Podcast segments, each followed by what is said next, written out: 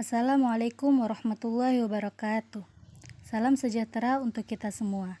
Selamat datang di podcast saya, Nabila Ilianti. Saat ini saya akan membahas tentang aksiologi kewarganegaraan.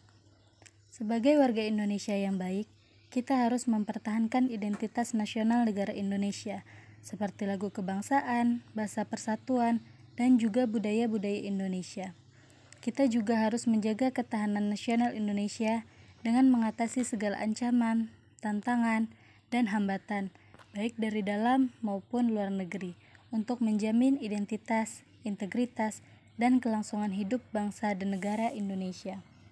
Seperti yang kita ketahui, ada beberapa kasus terkait identitas budaya Indonesia, seperti Riok Ponorogo yang diklaim oleh negara Malaysia, dan kasus terbaru adalah pengklaiman batik oleh negara Malaysia.